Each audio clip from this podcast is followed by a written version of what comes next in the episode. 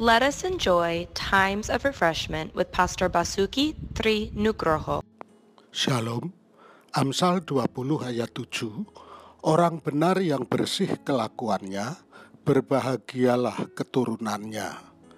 Ada yang mengibaratkan integritas seperti batu.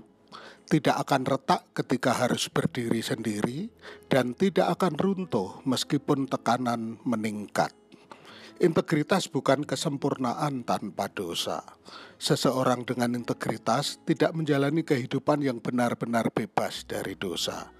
Tidak ada yang tahu, tetapi seseorang dengan integritas dengan cepat mengakui kegagalannya dan tidak menyembunyikan kesalahan. Ketika kita memiliki pemimpin dan kita yakin bahwa pemimpin kita menjalankan kepemimpinannya dengan integritas yang kuat, maka hati kita merasa aman. Kita percaya, kalaupun pemimpin melakukan kesalahan, maka kesalahan itu dilakukan bukan dengan motif yang tidak baik. Sebaliknya, jika kita tahu bahwa pemimpin integritasnya tidak baik, maka akan selalu muncul pertanyaan dari rasa tidak aman kita.